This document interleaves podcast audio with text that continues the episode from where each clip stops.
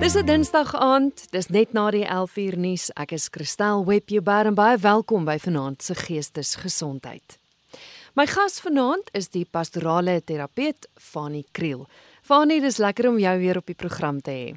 Ja, baie dankie Christel en hier in die Parel het ons ook uiteindelik nou somer gekry want ons kry ons in die Kaap 'n maand na julle somer. So dis dis 'n pragtige dag gewees en ehm um, baie dankie. Dis my groot voorreg om om op hierdie program te kan praat. Fanie, ek het verlede week was my gas die sielkundige Dr. Johan Ferreira en ons het gesels oor die verskillende soorte depressie. En ons het verlede week se gesprek afgesluit toe ek vir hom gevra het Hoe maak luisteraars wat nie finansiëel die vermoë het om na 'n sielkundige toe te gaan nie, waar jy een na die ander sessie moet bywoon waar jy regtig 'n pad met iemand stap nie. Nou vanaand gesels ons juis om sulke mense te help. As jy nie die vermoë het om iemand te gaan sien nie.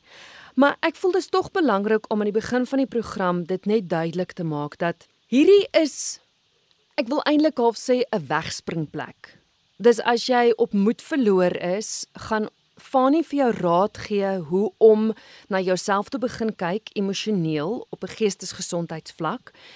Maar ek wil tog sê dat het jy ernstige hulp nodig, moet jy asseblief steeds 'n pad met jou sielkundige stap. Jy moet steeds jou medikasie gebruik.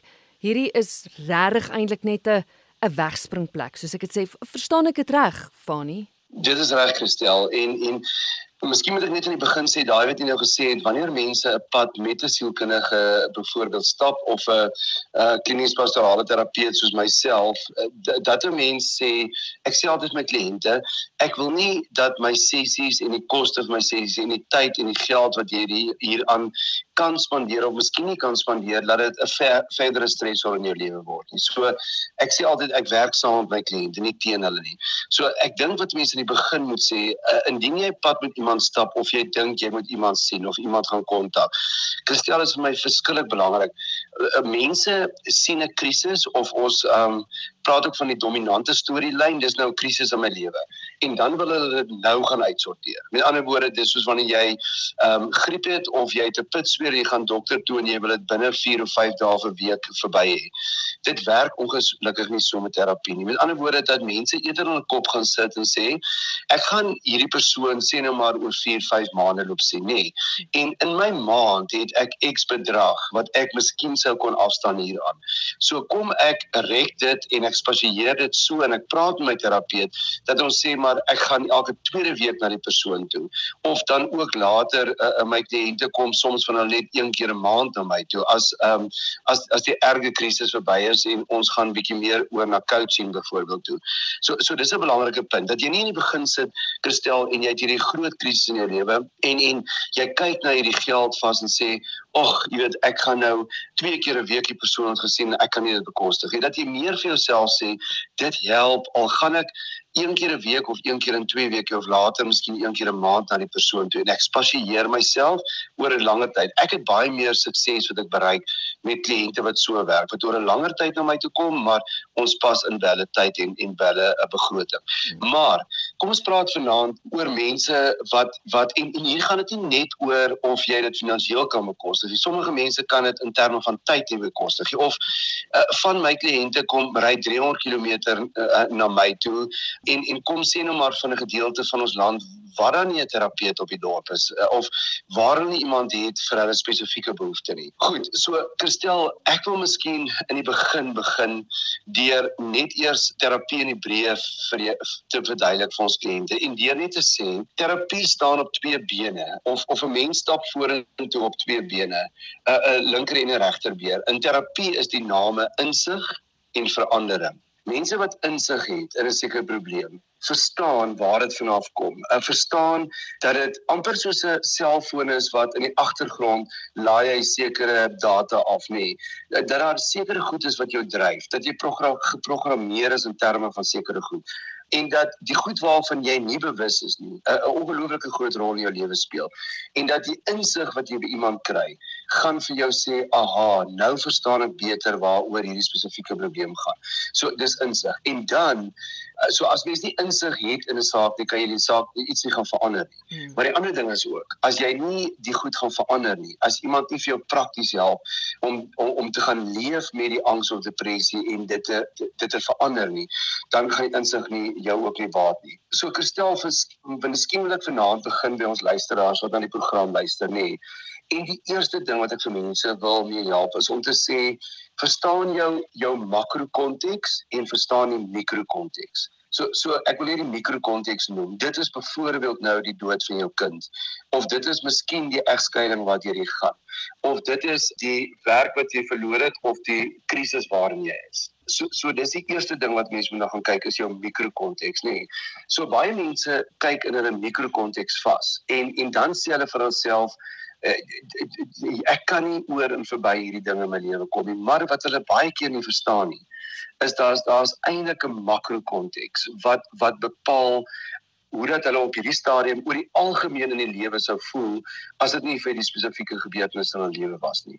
So so 'n makro konteks byvoorbeeld Christel is is iets soos die COVID-19 wat wêreldwyd mense getref het. Hmm. Maar 'n belangrike ding in die in die suidelike halfrond, ehm um, wat ons moet verstaan hierdie tyd van die jaar, nog 'n makro konteks is wat ons noem Oktoberitis. Of dit is ook deel van die seisonale steurings En dit is dat mense sukkel wanneer hulle oorgaan van die twee groot seisoene. Hulle mense sukkel wanneer hulle oorgaan van somer na winter, maar veral sukkel mense wanneer hulle oorgaan van van winter na somer toe. Miskien moet ek net vinnig um, vir mense so, so as jy in terapie met jouself sit, nê, nee, moenie laat jou mikrokonteks of dat hierdie spesifieke ding wat nou gebeur het alles oor daai boeg gooi nie. Daar kan ander redes ook wees dat jy voel soos jy voel. So kom ons praat gou oor Oktoberheid is. In die in die noordelike halfrond begin die jaar en begin die mense en begin die natuur ook saam. So almal begin saam in Januarie, Februarie. Met ander woorde, hier van ehm um, Februarie, Maart maand se kant af begin die bloeisels uitkom, begin alles bot, die gras en en en, en jy sien uit na vrugte oes en jy sien uit na die blomme rondom jou. En en jy begin op die jaar met beplanning en met goed in jou lewe. Maar hier by ons in die suidelike halfrond begin 'n mens, ons praat van 'n deurnale swaai. Dit beteken aan die einde van die dag is 'n mens moeg. So jy kan vir iemand 11:00 die oggend 'n nuwe ding op sy of haar uh, lesenaar sit, maar maar nie al 5:00 die middag nie. Ehm um, jy kan teen Dinsdag vir iemand 'n nuwe ding gee in die kantoor, maar moet dit nie vir hulle Donderdag of Vrydag gee nie. Ehm um, en so ook aan die einde van die jaar. So hier ehm um, in die einde van die jaar begin ons afneem en nou begin die natuur toeneem. So nou kom die bloeisels uit, grasperke groei. Nou dis verskriklik mooi. Daar by julle die jacarandas begin blom. Um hier by ons in die suide die lentebloeisels van die vrugtebode. So so dis baie mooi. Dis fantasties. Maar die punt is, dis 'n paradoks uh, in terme van jou eie lewe want jy wil begin afskaal en nou begin die natuur en die son sit meer reguit bo jou en al hierdie goed het 'n invloed op 'n mens. Nou in die in die suidelike halfrond, daar's nog redes hoekom ons op hierdie stadium so oneindig moeg en geïrriteerd is. Want jy is nou al met jou jou kop besig om vakansie te hou. Nee, jy ry al die see en jy sien al die son, maar jou liggaam is nog hierdie kant van die jaar. Ja. En en jy moet tog bitterlik hard werk en die programme raak eintlik net besigger en die afskeid en almal soek hulle goed aan die einde van die jaar toe. Die tweede rede is Christel is jy jy sê vir jouself hoe kan ek uh, met 'n 2 weke vakansie genoeg uitrus om weer 'n 22 2022 te gaan aanpak terwyl ek hierdie jaar net net gemaak het nê nee. so so jy kan amper dink dat hierdie jou genoeg kan laat uitrus nie en nog 'n rede is dat 'n mens begin nostalgies dink oor Kersfees so so jy begin dink maar maar wie kom af hierdie jaar of waarna toe gaan ons by wie se huis kom ons by mekaar en Kersfees is maar altyd 'n ding wat mens meer bietjie meer emosioneel en nostalgies is en en en dan die ander groot ding ehm um, Christel is dat uh, ons het 'n deurnale swaai uh, ook in die terme van die jaar. So ons wil begin afskaal in Oktober, November en soos ek gesê het, alles neem toe. Nou, wat is die makro konteks simptome wat mense in hierdie tyd van die jaar beleef? Jy beleef ongelooflike moegheid. Jy beleef nostalgie.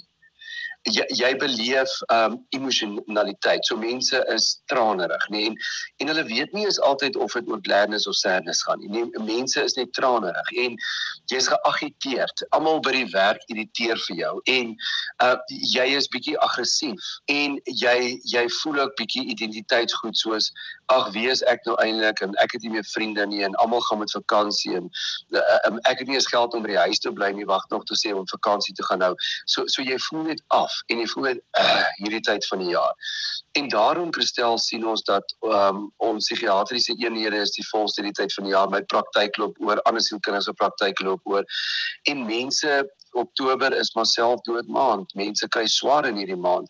En en so die eerste stap wat ek vandag wil neem is dat mense dat jy nie uitgelewer sal wees in jou eie lewe aan 'n makrokonteks in terme van dat die ding met jou oploop gaan nie. Dat dit soos 'n trein is wat weghardloop en jy kan dit nie stop nie. Dat jy die eerste dinge sal bewus wees van hierdie tyd van die jaar al is dit hoe mooi die blomme en die alles en ek sien uit na vakansie is ek eintlik moeg. En saam met die covid hele covid-19 ding wat ek al ek wil ons al 2 jaar insit ja. is mense net in hierdie tyd baie af So so dis die eerste punt wat ek wil maak. Dan die tweede ding wat ek wil by uitkom vandag Christel is ons uh, ons is 'n eh, ons siege nê en ons menswees is soos 'n masjien. Ons is 'n engine nê en ons moet gereeld gediens word. Uh, dit is net so. So mense sal ehm um, ons moet onthou Christel en dis 'n volgende ding wat ek in jy weet nou hierby wil voeg. So punt nommer 2 is dat ons soos 'n soos 'n engine of wat gediens moet word. So mense verstaan baie keer nie daar's soort van drie fases van burn-out. Nee, wat jy nou uitgebrand is en nie, nie meer kan nie. So die eerste fase is die adrenaliensfase. So so dis die fase wat jy amper in Engels kan sê bring it on. Jy jy weet jy jy hardloop rond, jou program is besig, jy vat hier jy los daar en jy kry ongelooflik baie te doen. Uh, gedoen want jou jou jou adrenalienpomp en jy's jy's op die golf en jy go. Die tweede fase gaan dan oor wanneer jou noradrenalien afgeskei word wat wat uh, jy baie meer gaan um, amper geagiteerd voel en jy's geïrriteerd. En die ou tannetjie wat voor jou in die pad ry, dit voel of jy bo raak kan ry. En as jou sleutels val, uh, jy sal sê daai woord, jy kan nie glo jou sleutels val val op nog en die kinders irriteer jou, alles irriteer jou net. En dan 'n derde fase is daai melankoliese fase of ehm um, wat jy distemie, ligte depressie of depressie begin beleef, nê. So en en dit is omdat mense sit net nog by en sit net nog by. En en mense verstaan nie dat ek is verantwoordelik vir my eie liggaam en my eie siege en en dat ek ook gereeld gediens moet word. So is wat dit, beteken hierdie gereelde diens? Ja, ekskuus ek val jou in die rede Fanie. Dis altyd in daai volgorde, né? Daai volgorde wat jy nou verduidelik het dat jy eers okay is, dan raak jy geïrriteerd en dan melankolie. Dis altyd in daai volgorde. Meestal van die tyd. Goed. Ja, jy kan miskien die geagiteerdheidsfases uh, uh, jy weet soort van spring en sommer direk in 'n depressiefase gaan, maar maar baie keer sal mense ongelooflik funksioneer en hulle sal teen 'n spoed werk, maar maar dis amper net voordat hulle jy weet soos ons in die ou tyd sê begin inkom.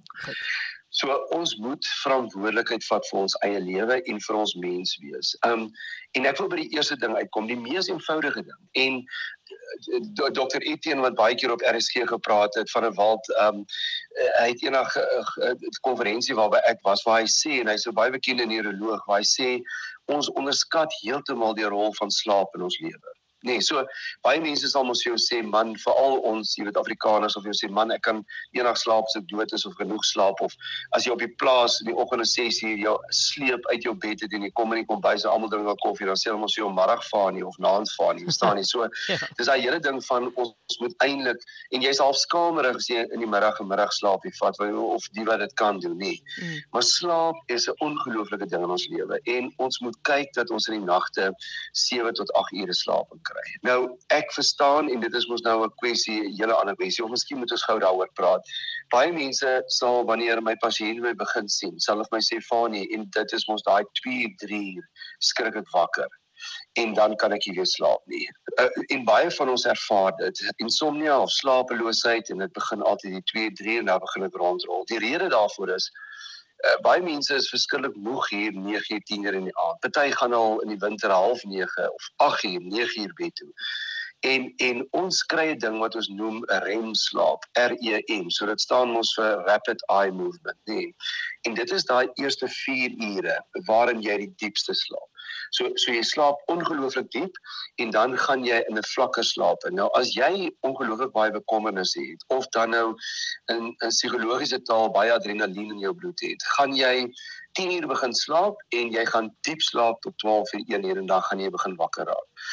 Dan gaan jy badkamer toe en dan kom jy terug en dan rol jy rond want jou jou denke jy jy dink net aan 'n klomp goed.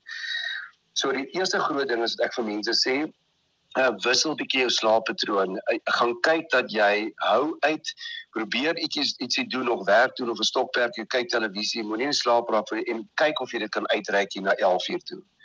Gaan slaap dan. Die ander raad wat vir mense het is kyk dat jy na 4 uur in die middag nie enigstens meer koffie drink nie en dan ook baie belangrik kyk of jy namiddag 5 uur 6 uur jou oefening kan inkry ver kan gestap bietjie gaan draf of so iets sodat jy daai lam moegheidsgevoel deur die nag oor jou het maar maar okay die eerste punt 7 tot 8 ure slaap. Maar want ook as jy in hierdie adrenalienfase of hierdie eerste fase kristel ingaan van 'n uh, soort van burn-out wanneer jy ongelooflike baie ure kan werk en net kan aangaan um uh, kom mense met 4 5 ure slaap oor in in 'n nag kom gaan hulle klaar kom en en dis 'n probleem want jou jou brein kan nie reset nie kan nie afskakel nie so jy moet slaap en kry. Die ander ding wat jy moet doen is um jy moet gesond eet en matig drink. En en Christel baie mense sien um alkohol as 'n 'n uh, uh, antidepressant of dit laat my ontspan. Maar te veel alkohol is 'n depressant. Ja. Nee, so jy jy en en daar's so 'n lang verduideliking voor waarop ek nou wil ingaan nie, maar gesond eet. Kyk dat jy dat jy nie gemors kos eet nie. En ons weet alles wat dit is. Ek hoef nie eens daarop in te gaan nie. Kyk dat jy ehm um, matige stysel inneem. Kyk dat jy genoeg groen goed eet. Maar die belangrike ding is kyk dat jy matig drink dan Christel die een wat ek die hele aand oor kan gesels en en ek gaan dit by omtrent al die onderafdelings net toe gaan dit ek dit ook noem is fisiese oefening.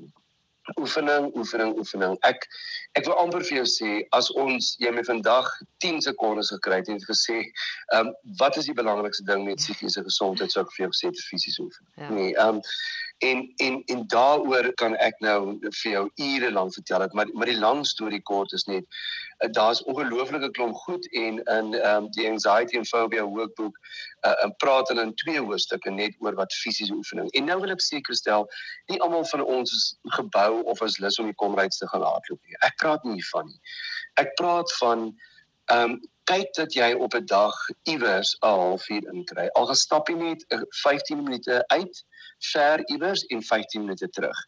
En en moenie vir my sê maar dis daar's gevaarlike paaie en iewers hier by ons kan jy stap. Uh, ek het mense wat lief is vir oefening. Ek het in lockdown het ek al om my huis gestap of het ek in die, in die wingerd gaan stap of het ek ehm um, maar dat jy net iewers al draf jy op een plek of spring tou of doen maar laat jy net bietjie sweet dan en en doen fisiese oefening maar kyk dat dit 'n daaglikse ding in jou lewe is. En en ek wil gou vinnig hier op jou iets sê. Gestel baie mense sê ja, ek doen 2 of 3 keer 'n week, nê. Nee hoe meer keer jy 'n week doen, hoe minder is die kans dat jy gaan dit uitstel of dat jy sê ag ek voel nie vandag lusie of ek ehm um, ek ken 'n vriend wat 6 keer 'n week oefen sy hele lewe lank tog en hy sê vir my want Fani as ek 5 keer begin oefen, begin ek ook 4 keer en 3 keer oefen. Hy sê ek moet nie eendag skiep nie. Al al ry jy nie gym toe al gaan jy net en jy sê ek net 20 minute vandag en jy draf net 20 minute uit of terug maar kry fisiese oefening in. Ehm um, ek stel die ander belangrike ding is ehm um, rekreasie en rus. En hier wil ek 'n model vir mense gee wat ek my hele lewe volgens inrig en wat 'n um, groot arbeidsterapie vriend van my wat hy ook sy pasiënte mee help.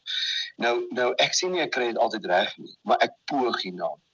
En dit is die 1111 beginsel. En hoe werk dit? Jy moet 1 uur op 'n dag moet jy vir jouself kan neem. 'n 1 uur op 'n dag wat jy of bietjie gaan lê of gaan draf of met 'n stokperdjie besig is of in 'n koffiewinkel gaan sit of in 'n bad water lê, maar iets wat vir jou lekker is. En iets wat wat wat ongelooflik vir jou stimuleer 1 uur op 'n dag. Dan Christel, moet jy een dag in 'n week vir jou uitsit en en jou beteken nie noodwendig net vir jou nie, want baie van ons het nou kinders of gesinne of dit ouers of vriende, maar een dag 'n week wat jy gaan sê ek gaan nie na my kantoor toe ry of met my gewone werk besig wees. Ek gaan hierdie dag afvat en net ontspan saam met my vrou en my kinders of saam met my vriend of iewers net al doen jy iets op jou eie, maar dis net 'n dag vir jou. En dan gestel een naweek in 'n maand uh, is belangrik, nê. Nee, so ek werk ook naweke, maar maar en dis die een waar ek nou 'n bietjie hier dit afskeep. Maar dat dat jy kyk en sê maar kan ek nie vir een naweek in 'n maand 'n um, bietjie 'n geldjie wegsit of bietjie as ons nie iewers heen kan gaan nie net kan sê ons gaan daai Saterdag aand gaan ons bietjie loop fliek of ietsie gaan uit eet of ons gaan die Sondag bietjie uitry iewers of as jy bevoorreg is om by die see te wees maar ek gaan een naweek 'n maand gaan ek vir my en my gesin spesiaal maak. En en dan een naweek ag een week 'n kwartaal of dan nou twee weke 'n halfjaar of as jy 'n maand vakansie uh, in 'n jaar kan vat so rekreasie en rus uh, rus. Um en dan 'n uh, uh, uh, laaste ding wat ek wil van praat op hierdie eerste punt van hoe jy hierdie masjien moet diens is dat kry iets skepends. Kry 'n stokperdjie. Kry iets wat jy kan maak. Al doen jy net 'n krye tuintjie. Ehm um, al bly jy in 'n woonstel vandag en jy kan net 'n bak neersit en 'n krye tuintjie doen. Uh, Christel, ehm um, gaan doen scrapbooking sluit aan by 'n klap waar hulle gaan wegklim waar maar maar iets wat jy met jou hande kan maak of 'n stokperdjie waarna jy kan deelneem is ongelooflik belangrik. En dan wil ek hierdie eerste punt afsluit Kristel deur te sê die die volgende. Ehm um, ek het al voorheen op die program gepraat van prestasie en ekstase, nê. Nee. Ja. Maar ek ek moet dit net ek moet dit net gou weer noem. As jy 'n driehoek teken, maar, maar jy teken net eers die twee boonste punte die rotteresies waarvan ons praat is maar meestal dat ons tussen twee punte die hele tyd heen en weer hardloop. Aan die linkerkant 'n prestasie wat ons deur die week doen. So ons almal moet presteer in ons program in ons werke.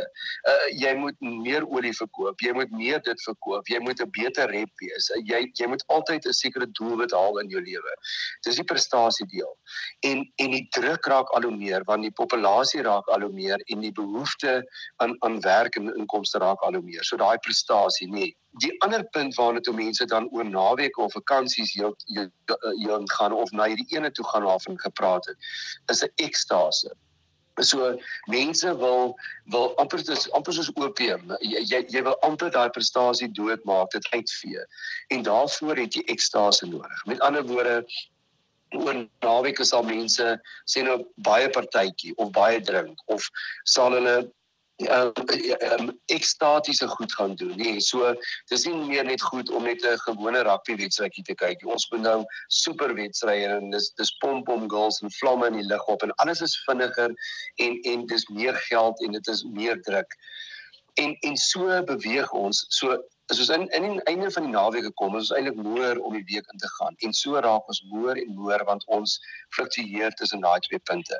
Wat ons nodig het is die derde punt van die driehoek naamlik instasie om iewers rustiger te raak, stadiger te praat, stadiger te beweeg, meer tyd vir jouself te gee, iewers te gaan drag, dra ver langs die see te gaan stap, om by jou gesin uit te kom, om bietjie Monopoly te speel, om bietjie met jou kinders in die agterplaas krieket te speel, maar om om by jouself uit te kom. En en dan die die die oomblik toe ons hierdie begin besef het wêreldwyd, um, of daarna streef, Kristel toe kom die hele ding van selfone en sosiale media en alles op die uh, op die mark.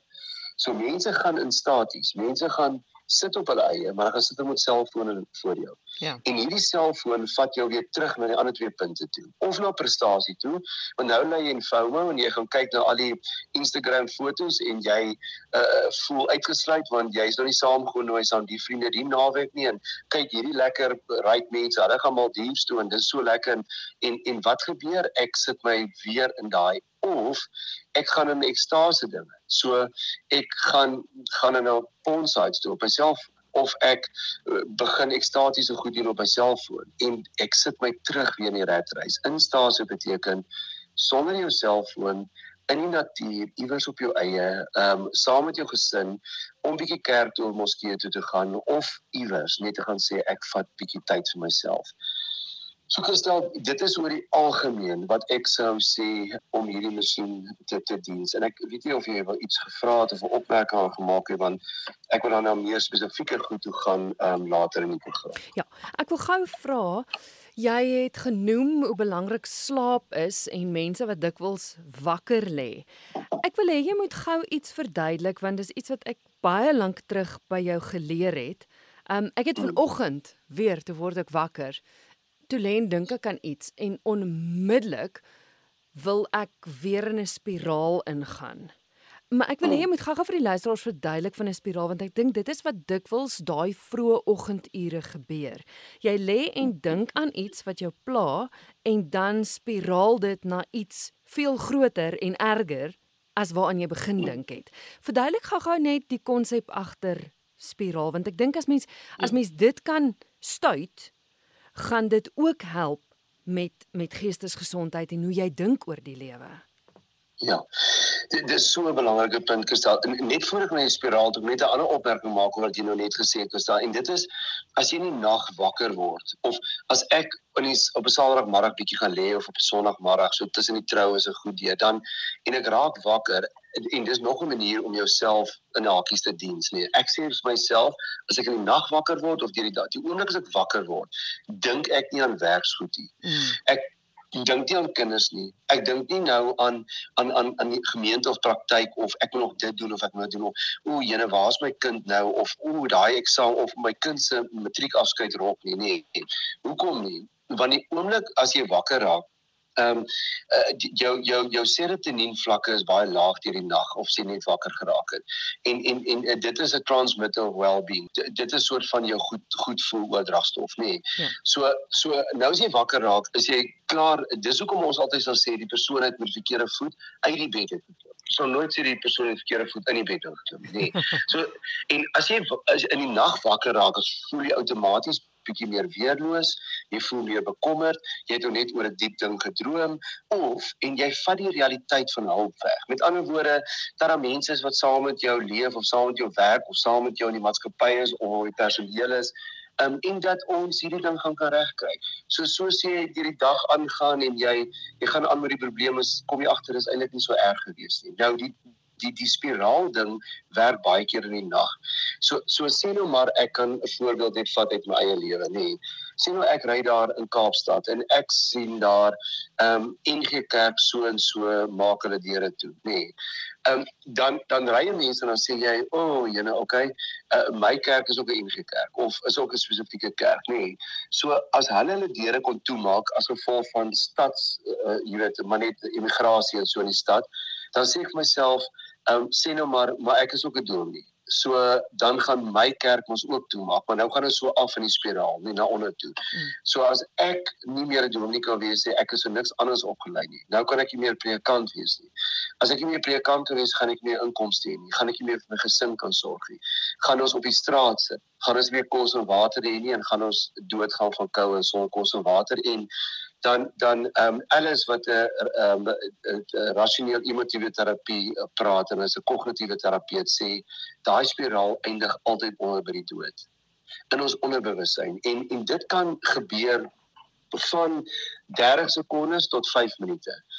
Iemand kan net vir jou WhatsApp stuur of jy kan ry en gaan kyk bietjie Christel die luisteraars.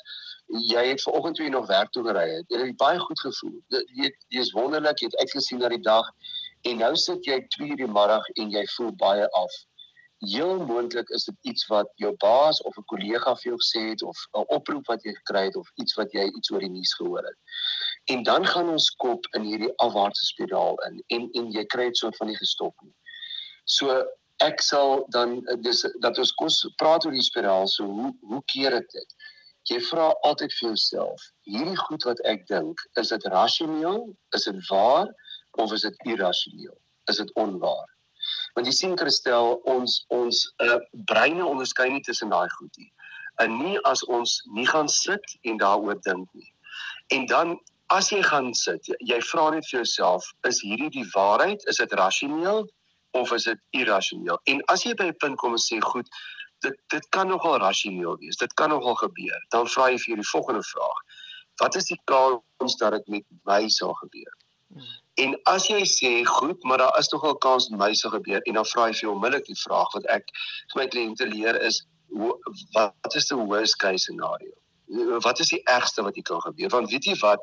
Ons praat van absolutistiese denke. Jy sal vir jou dit beteken jy sê dis die vetste wat ek nog was of dis die armste of die swaarste of dis die droogste wat dit nog by ons was, nê? Nee. En as jou brein die hele tyd hierdie hierdie absolutistiese denke of hierdie taal hoor, begin jy later ook so dink if jy sê nee maar wag nou gou-gou. Nee.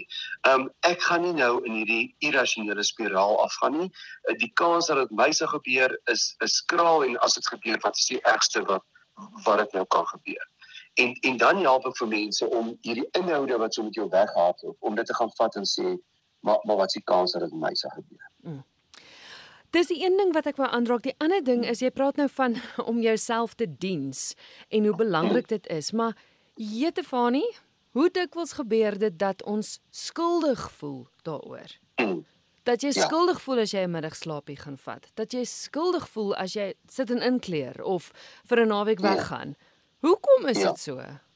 Ehm um, weet jy hoekom voel ons so skuldig uh Christel want ons leef in 'n tyd wat hulle praat van the global economy. Ons het dit mos al baie gehoor in 'n global wêreld, nê. Nee. Hmm. Wat hier gebeur is, ehm um, in die 18de eeu, nee, het ehm um, ag in die 19de eeu, die 1840s, 1850s het ons in in in industrialisasie geleef. So dit wat die wêreld oorheers het was die industrie, die masjiene wat ons geskep het en en hierdie goed dit dit het die die, die klop vir die wêreld gegee. In die 20ste eeu, met ander woorde 1945, 1960, 80s uh, wat het toe die wêreld oorheers? Uh, politieke stelsels. Die USSR teen Amerika, um, al die kleiner volke het hulle rondom dit geposisioneer. So politiek het die hele wêreld gebestuur en ge gereël. Uh, ons leef nou um, in die 21ste eeu. En en en wat is nou die ding wat die wêreld beheer? Geld. Uh, uh, ekonomie, 'n global economy. Um en en en Prof Russell Botma wat oorlede is wat um dekaan van Stellenbosch Universiteit was. Hy het um in Amerika het hy 'n lang studie daaroor gedoen en en vir ons as studente deur hierdie hele ding in 'n blok gevat. Deur te sê ons on, ons 'n wêreld met 'n global economy. En in hierdie global economy moet jy as 'n werknemer, en maak nie saak in watter of jy 'n bestuurder is of waar jy is nie, maar jy is uh, jy, jy weet mos hierdie tydjie hierdie flieks en so wat jy sien van hierdie groot bulldozer en dan die klein mannetjie wat voor dit staan. Ja. Uh, jy weet van die groen mense wat nou wil keer dat hulle nou die bulldozer hierdie dam sleep of wat keer die myn begin. Ja. Nou hy het gesê daai global economy is daai groot uh, padskraper of daai groot masjien en jy's daai klein mannetjie voor dit. So die die die ekonomie voel niks vir jou nie. Die ekonomie sien jou net as 'n nommer. sien jou as iemand wat wat moet werk vir die ekonomie, vir die wêreldekonomie. So met ander woorde, wat is die groot vyand van die ekonomie? Die groot vyand van die ekonomie is gesinne. Is 'n huwelik, is skole, is kerke, is selfs gyms is ontspanning. Hoekom? Uh, of jy wat oor die naweek moet wil rus. Hoekom? Want die ekonomie sien dit as 'n uh, dit vat jou weg van die ekonomie af. So wat wil die ekonomie van jou maak? Dit wil eintlik net vir jou 'n nommer of 'n pion maak wat eintlik 24 uur 7 ure 'n dag 'n week kan werk. Um en en daarom het ons opgesluit in ons en en ons hoor dit mos elke dag om ons Christel want almal hardloop nou agter die ekonomie aan en met die die die die vakuum wat geskep word rondom ons reklame en en jy jy as jy nie hierdie dinge het nie eh, dan is jy agter of as jy nie hierdie ding gekoop het nie uh, jy weet keep up with the Joneses en hierdie hele ding wat ons rondom ons skep laat mense net al hoe meer inkoop in hierdie ekonomie en en en laat mense net vir myself sê mamma ek kan nie 'n middagslaapie vat nie of ehm um, ek ek moet my net half vrek werk want dit is maar net wat dit vir my vereis. En ons kan dit nie meer doen nie en dis hoekom ons skuldig voel. So jy gaan moet self 'n besluit maak herstel as 'n persoon wat ook vanaand in die program luister om van hierdie groot boot af te klim um, in jou klein reddingsbootjie en te sê ek wil 'n sinvolle lewe leef. En en daar's 'n uitstekende boek geskryf oor hierdie uh, Bob Buffer het 'n boek geskryf Halftime. En daar's ook 'n halftime beweging in Suid-Afrika waar hy sê jy jy jy leef jou lewe in twee helftes. In die eerste helfte gaan dit oor hoë prestasie en is daar 'n woord wat op die tel word flik flikker en okay, wanneer is jou eerste ja, fase? Hier van 18 tot ongeveer om ongeveer 45 jaar oud. Hy sê en daai woord wat op die op die skerm fliks 'n fliks 'n sukses, sukses, sukses. Hy sê dit gaan gewoonlik met twee maniere van sukses, finansiële sukses en dan ook soort van uh, jy weet die die die die plek wat ek inneem, nee, my soort van ehm um, is ek nou ehm um, in hierdie hierdie red race, nee, in soort van is ek nou 'n bestuurder of het ek dit nou gemaak, het ek sekere aansien in die samelewing. Hy sê en dan gaan jy halftime, gaan jy dan in die kleedkamer in en dan sê jy vir jouself, ek kan nie die tweede helfte speel soos die eerste helfte gespeel het nie. Ek het bloot nie meer die krag of energie daarvoor nie en ek wil anders begin leef. Hy sê en dan gaan jy in jou tweede helfte in. En die woord wat dan op die op die op die taalbord flikker is significance betekenisvolheid. Mm. Hy sê dan sal jy tipies kry dat 'n ou op 55 'n MD op 'n dag net jy weet bedank van sy werk en iewers 'n klein shelter begin of 'n weeshuis of hy sal 'n klein restaurantjie teen die Weskus gaan begin. Um of iemand sal net 'n sinvolle ding in die samelewing begin doen.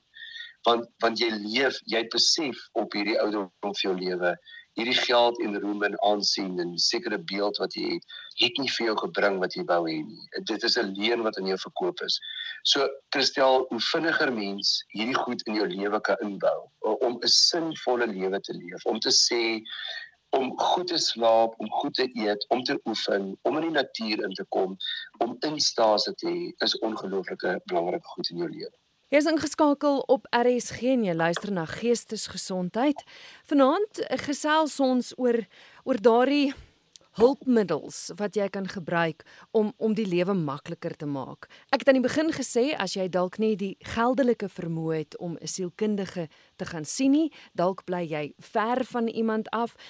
Nafani, jy het genoem dat jy dat jy spesifieke dinge het waaroor jy wil gesels, um hulpmiddels wat jy vir luisteraars wil gee. Ja. Goed, so kom ons gaan want luisteraars eh, soos ons gesê het verstel um in terme van hulle makro konteks sukkel ongelooflik op hierdie stadium en ook in terme van hulle mikro konteks. So uh, kom ons nou kyk na rou en verlies. Nee, wat ons mos nou baie deur is die afgelope tyd in in Covid. So so wat beteken verlies? Enige verlies. Um jou werk verloor het, 'n groot deel van jou inkomste verloor het, jou restaurant verloor het, iemand aan die dood afgestaan het, 'n stuk gesondheid verloor het. Jy jy kan miskien nou sit en jou reuk of smaak het nog nie teruggekom nie. Ehm um, jy het 'n verlies van reuk of smaak gehad. Ehm um, of jy het jou kinders verloor. Hulle hulle het uh, miskien geëmigreer. So daar's baie rou en verlies. Een ding wat ek vir baie van my kliënte vra is as iemand oorlede is of as hulle iets verloor het, skryf 'n brief. Gaan sit en skryf 'n brief vir, vir die persoon al is die persoon al oorlede of al het jy 'n pa of 'n ma wat jou hanteer het soos jy nie gedink het is goed nie. Of jy het iemand wat ehm um, met iemand jy weggeloop het en iemand anders in 'n affair betrokke geraak het. Skryf 'n brief. So ek sê vir mense gaan sit en volgende keer as jy my weer kom sien het mail vir my die brief so dag voor die tyd dat ek net in diepte dit goed kan uitmekaar uithaal mag ons skryf 'n brief. Want u sien Christel die oomblik as jy jou motoriese deel van jou brein jou skryf of jou tik op jou rekenaar in verband bring met jou emosionele deel jou hippocampus nê nee, dan kom jy by dieper goed uit. Jy jy rou dieper. Daai see want hoekom wil jy 'n brief van skryf?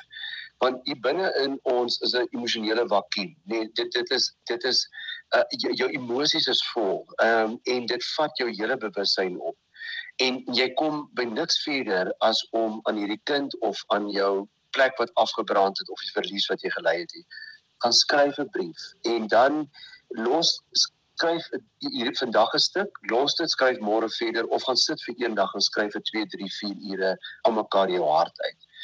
Dan sê ek altyd vir mense, gaan praat met iemand oor iemand. Nee, iemand wat jy kan vertrou. Gaan na jou um imam toe of na jou pastoor of predikant of sielkundige of na jou pa of jou beste vriend toe. En en en gaan praat jou hart uit. En en gaan praat oor hierdie goed en sê dis hoe dit my seer gemaak en my geplaag. Want jy sien Christel, eh, daar's vier fases van rou of van verlies. En dit is soos jy net gevra het, is dit kronologies? Nee, dis nie met net kronologies nie. Maar maar 'n mens wil deur daai vier fases werk. OK, so wat is die eerste fase? Die eerste fase is net eers die erkenning van die feite. So om te gaan sê my man is nie meer hier nie. Ek gaan nooit weer vir hom koffie maak. Ek gaan nooit weer 'n foonoproep vir hom kry nie. Um of of te sê maar ek erken dit nou dat dat ek gaan nooit weer met my besigheid kan aangaan nie. Dit is nie meer daar nie. So die erkenning van die feite wat klaar 'n baie belangrike proses in 'n mens se lewe is. Die die tweede een is die ervaring van die emosies. Jy moet as jy dit geerken het dat die persoon oorlede is of dit waar om emosies te beleef. Die ervaring daarvan om te gaan huil, om die brief te skryf, om kwaad te raak, om te gaan staan by die see net te skree of in die berg om om om daai goed hier die rou hier binne te kan beleef, nê. Nee. Dan is daar 'n derde fase die heraanpassing in die nuwe omstandighede. So sê nou maar my man is oorlede en ek moet nou trek van Dubai af terug Suid-Afrika toe na my ouers toe die heraanpassing in die nuwe huis. Die kinders moet in 'n nuwe skool heraanpas. Die heraanpassing wat vir 'n mens 'n hele tydjie kan neem. Ehm um, en en hier wil ek tog sê die ou mense was tog maar baie wys en hulle het altyd gesê kom tyd, kom raad. So Christel, daar is maar 'n ding, die rou raak met tyd beter dit raak dit gaan oor in mooi herinneringe. Die hartseer bly. Ek wil sommer vir ouers sê wat kinders in hierdie tyd afgestaan het uh, uh, moenie dat iemand vir jou sê kom oor die dood vir jou kind. Jy kom nooit daaroor nie. Jy leer net om daarmee saam te leef. So so die heraanpassing en dan die vierde een is die herbeleef van emosies. Sodat jy as jou hond dood is dat jy weet maar ek kan weer iewers 'n hond voorkant toe kry en ek kan my emosies weer herbeleef in hierdie nuwe hond. Of ehm um, as ek nog jonk genoeg is uh, en ek is deur die seer en die pyn, kan ons dit waag om weer kinders te hê. Of ehm um, ek kan weer met 'n besigheidjie begin of kan, ek kan weer in 'n nuwe verhouding. My man is oorlede en na 'n paar jaar kan ek weer verlief raak en ek kan weer my emosies herbelê. Dan Christel, die groot moeilike een wat so baie luisteraars uh, mee sukkel en ook na my toe kom is gemoedsteurings. Uh, en ek wil sommer onmiddellik sê, onthou jou gemoed is versteur. Jou gemoed, ehm um, jou so, so jy, jy het 'n stering van jou gemoed. So jy voel af of jy voel wat ons noem 'n ligte depressie, wat ons noem 'n distemie. Of jy jy gaan deur 'n MDE wat 'n major depressive episode is. So jy jy jy jy het 'n ongelooflike depressie, jy wil nie meer leef nie of die die die simptome van ons tyd is angs nee. ek beleef intense angs of paniekaanvalle. Ehm um, hoekom is dit so? Want daar's te hoë vlakke van adrenalien en dan ook die ander oordragstof van noradrenalien in jou bloed. En ek wil nie vanaand daarop ingaan nie want dit is 'n hele sessie op sy eie. Maar maar wat is die goed wat as ons hierdie angs en hierdie depressie en ons paniekaanvalle hoe hoe kom ons hier uit nê? Nee? Die eerste ding wat ek weer wil noem is ehm um, fisiese oefening. En Christel onmiddellik wil ek sê, my pasiënte sê vir my, "Fanie, ek is nie lus vir oefening nie." En ek verstaan dit. Ek verstaan dit, maar daai daai fisiese oefening dat jy dat jy kan sê ek het dit gedoen gister en ek het gister 10 minute net gaan stap en en vandag gaan ek 15 minute stap. Ek moet myself voortsleep, ek moet uit die bed uitkom. Ek ek moet dit vir myself gaan doen en Mary Ellen Copeland skryf in haar uh, boek um the depression workbook dan sê sy sy sy self bipolêr en dan sê sy dit is die grootste geskenk wat ek aan die einde van die dag vir myself moet gee. Sy sê dat dit al vir jare lank nie beter raak nie, maar maar dit is hoe ek survive is om om net hierdie dag voluit te leef. Wat saam met dit fisiese oefening dan 'n groot ding wat ek vir mense leer gestel en wat mense ongelooflik mee worstel is En hierdie gaan nou aanvanklik vreemd klink, maar dit is maak vrede met angs of depressie. En en ook mense kan die term gebruik vat hande met angs of depressie. Dit beteken nie jy moet nie gaan vir vir terapie nie of jy moet nie gaan vir medikasie nie of jy moet nie oefen nie of jy moet, dit beteken nie jy gaan nie werk aan jou jou depressie of jou angs nie maar moenie vir jouself die hele tyd sê ai as ek maar net weer kan wees soos wat ek uh whenever was voor ek die angs of die depressie begin kry het. Of as ek maar net weer angs of depressie vry kan wees of die persoon wees wie ek in die verlede was. Kristel, ons moet vrede maak met die feit dat ek nou depressie of angs beleef. Vrede maak beteken terwyl ek daaraan werk, moet ek nie hysteries raak of moet ek nie sê ek kan nie meer nie. Ehm um, so wat ek in hierdie tyd van van my kliënte leer is die woorde just hang in there. Baie gimnaste, veral die mans wat op die brug oefen, kan nie elke keer tussen die reputasies afklim van die brug af nie, want dan moet die afrigter al die op die brug kry. So baie keer stop hulle, dan haak hulle hulle arm so in en dan hang hulle net. Ehm um, en dan sê hy gou vir hulle, jy het jou arm hier verkeerd sit of jou hand en kos doen gou weer die reeks, nê. Nee. So terwyl jy so sleg voel, uh, terwyl jy gemoedstoornis of angstig of depressief voel, moenie nou die tumbles of die moenie nou die reputasie of die die ding oefen nie. Moenie nou verskriklik nog werk aanvat of groot besluite neem nie. Maar die belangrike punt is, moet ook nie afklim nie uit die lewe uit nie. Moenie ophou nie. Moenie die werk bedank nie. Moenie uit die huwelik uit. Moenie sê, um, iemand 'n groot vriend van my sê altyd as dit donker is om jou, sit jy stil moenie nou groot besluite maar die belangrike ding is gestel just hang in there dan die volgende ding vir uh, liewe luisteraars is dat klein stappies as jy depressie het sê ek altyd my kliënte dan het jy 'n rek wat aan jou rug vasgemaak is. Nee dit wat jy wat jy altyd terugtrek na na na 'n hoekie toe. 'n hoekie van ek wil net slaap ek wil net my kop toe trek ek is lus vir niks ek wil nie die lewe meer leef nie. Um ek eet of te veel of te min. Um ek het geen genotsbeginsel niks is meer vir my lekker nie. Ek het negatiewe denke ek voel skuldig oor alles. Ek dink aan die dood. So daai rek wil jou na daai hoek toe trek nee En elke keer as jy ietsie doen, as jy die aand uitgaan na die vriende toe wat jou genooi het, as jy ehm um, die klas gaan dra vandag, as jy werk toe gaan, as jy weer gaan oefen, is 'n klein oorwinningkie. En en gestel ons wil van die grondvloer af kom tot op die eerste vloer, maar niemand van ons kan spring van die grondvloer na die eerste vloer. Dis stap vir stap. Dis klein stappies op 'n slag. En dan op 'n dag is 'n dag as jy braaf genoeg was om elke dag die stappies te gevat het, kyk jy terug en sê jy, "Wow, ek het 'n stuk in my lewe gevorder." Ja. Dan gestel 'n baie belangrike punt. Die meeste van my pasiënte kom hier by my aan en drink 7, 8, 10, 12 koppies koffie op 'n dag. Ehm um, hoekom? Want dis 'n kafeïen en kafeïne is 'n stimulant en stimulante laat jou bietjie beter voel. Dit vat die effense depressie. Dis hoekom ons in die oggende almal 'n regmaker of 'n sterk koffie drink dat ons die die dag kan kickstart, nê. Nee. So so ek wil weer nie daarop ingaan nie, maar dit aktiveer die adrenalien uh stelsel, dit aktiveer die noradrenalien. Um, so wat ek probeer sê is kyk dat jy so min as moontlik kafeïen inneem. Mense vra hoeveel nou? Dit moet jy self gaan bepaal, maar een of twee koppies op 'n dag. Kyk dat jy dan dan meestal decaf drink of dat jy dan 'n rooibos tee drink, maar koffie en dan die ander groot ding is goed soos soos soos Coke, goed soos chocolates, enige ding waar daar 'n stimulant of 'n kafeïne in kan wees wil jy so min as moontlik eet. En dan sê ek altyd my pasiënte, kyk dat jy by 'n apteek bietjie Vitamiin B aanvulling of Vitamiin B inspuitings kry. Um wat wat die, jou dieet is ongelooflik belangrik. Um kyk dat jy bietjie afkom van suiker af en kyk ook dat jy asseblief minder kafeïne inneem. Dan kristel sonlig. Ons die, het onderskat die waarde van sonlig want almal hoor net van jy weet nou van uh, kanker en die dermatoloog sê vir ons hoe gevaarlik dit is. Verseker wil ons mos nou nie dag en nag in die son wees nie, maar kyk dat jy so 'n bietjie meer in die son kom. Kyk dat jy 'n bietjie meer by die see uitkom of as jy by naby 'n berg of dat jy 'n bietjie meer sonlig kry. Dan kristel die een wat ons nou praat oor vanaand is terapie, maar as jy nie terapie kan bekostig nie. Terapie beteken nie altyd net by 'n professionele persoon nie. Terapie beteken ook dat jy by een van jou kinders of by 'n baie groot vriendin of soos ek gesê het by die imam of pastoor of by 'n onderwyser kan uitkom en net bietjie jou hart kan gaan uitpraat.